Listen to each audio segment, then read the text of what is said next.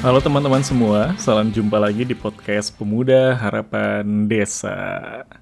Nah, di episode ini saya akan cerita sedikit tentang kunang-kunang, binatang yang identik dengan keindahan. Kalau kamu belum tahu kunang-kunang, coba kamu keluar rumah malam hari, kemudian kamu duduk atau jalan-jalan di sekitar area yang hijau, yang banyak pohon, yang banyak uh, mungkin tumbuh-tumbuhan. Nah, siapa tahu kunang-kunang biasanya suka muncul di area-area yang seperti itu. Saya kenal banyak orang yang menyukai kunang-kunang. Saya salah satu di antaranya sebenarnya. Ketika melihat binatang ini di gelap malam, orang-orang yang saya kenal tadi menampilkan ekspresi yang berbeda kalau anak-anak biasanya mereka berteriak kegirangan, melompat-lompat kesenangan. Kalau dewasa biasanya bergumam secukupnya. Wah, lihat ada kunang-kunang. Nah, gitu aja kalau yang dewasa. Dan para remaja biasanya langsung bikin Insta story. Agak ini. Ya, lo inilah apa uh, rada lebay ya. Nah, kalau saya sendiri yang usianya di antara orang tua dan remaja, jadi belum tua banget atau enggak juga muda banget. Biasanya bergumam secukupnya sambil mikirin kata-kata puitis buat bikin instastory. Jadi ada ada potongan orang tua dan ada potongan anak mudanya. Nah, biasanya karena ini di bulan Zulhijjah bagi umat Islam uh, kita merayakan momen Idul Adha uh, di bulan Zulhijjah ini hampir setiap malam binatang ini hadir di taman dekat apartemen saya. Uh, biasanya kalau di sini matahari kan tenggelam jam 9 sore. Nah, mulai itu kalau sudah jam 9, biasanya satu persatu cahaya berwarna kuning berkedap-kedip bermunculan. Biasanya itu ada di dekat lapangan basket tempat uh, di apartemen saya. Jadi di sana itu ada area hijau yang luas sekali, hampir mungkin seperti hutan kecil ya. Di sana juga kadang-kadang ada uh, ada kelinci, ada kawanan kawanan kelinci, ada juga sigung pernah atau rakun, kemudian ada juga tupai, itu tupai yang paling banyak.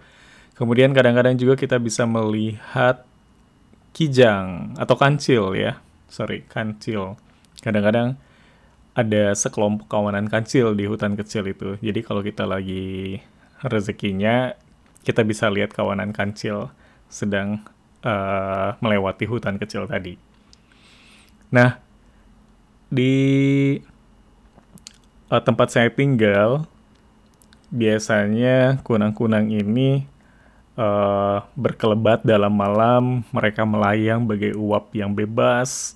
Kalau musim panas tahun lalu, saya tidak merasakan kehadiran kunang-kunang karena tempat saya tinggal di kota Lincoln di Nebraska.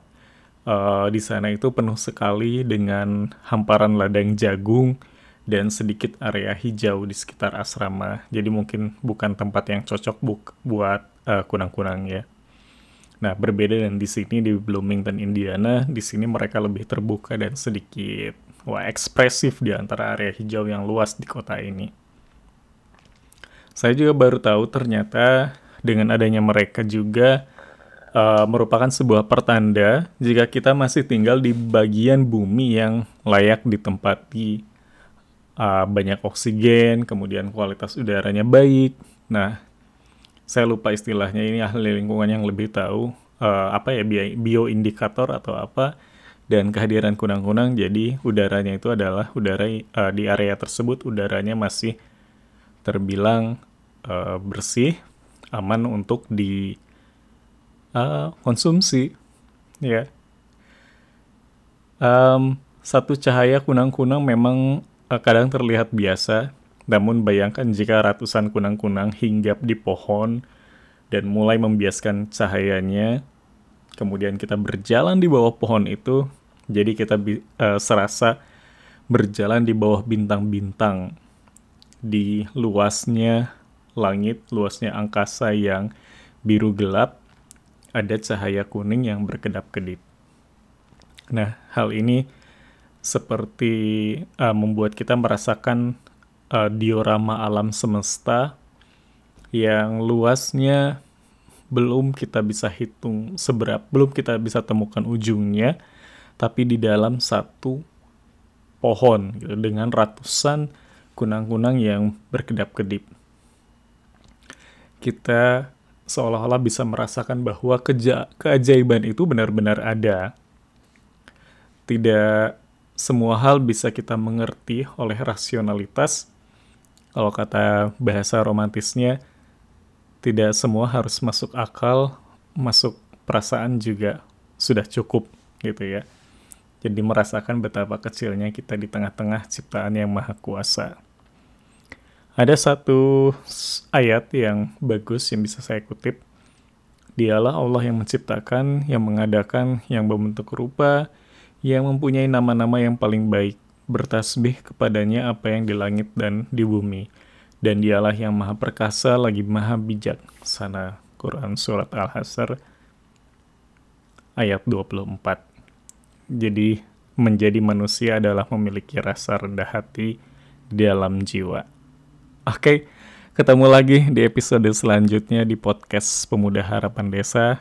Tetap jaga kesehatan. Semoga keadaan segera membaik. Dan sampai jumpa.